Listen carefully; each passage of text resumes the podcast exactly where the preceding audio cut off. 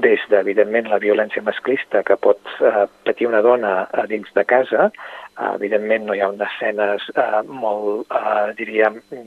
fortes, sinó que són escenes sobretot relacionades amb el que ha passat previ, abans o després d'haver patit una violència masclista, però llavors també tot el tema d'altres violències que pateixen les dones relacionades amb el treball, ja sigui un sostre de vidre que no pot, eh, una persona doncs, no pot accedir segons a quins llocs de treball o quins sous, tot el tema relacionat amb l'esport i per tant doncs, eh, visibilització de la dona que també fa esports i esports molt vinculats al món eh, masculí,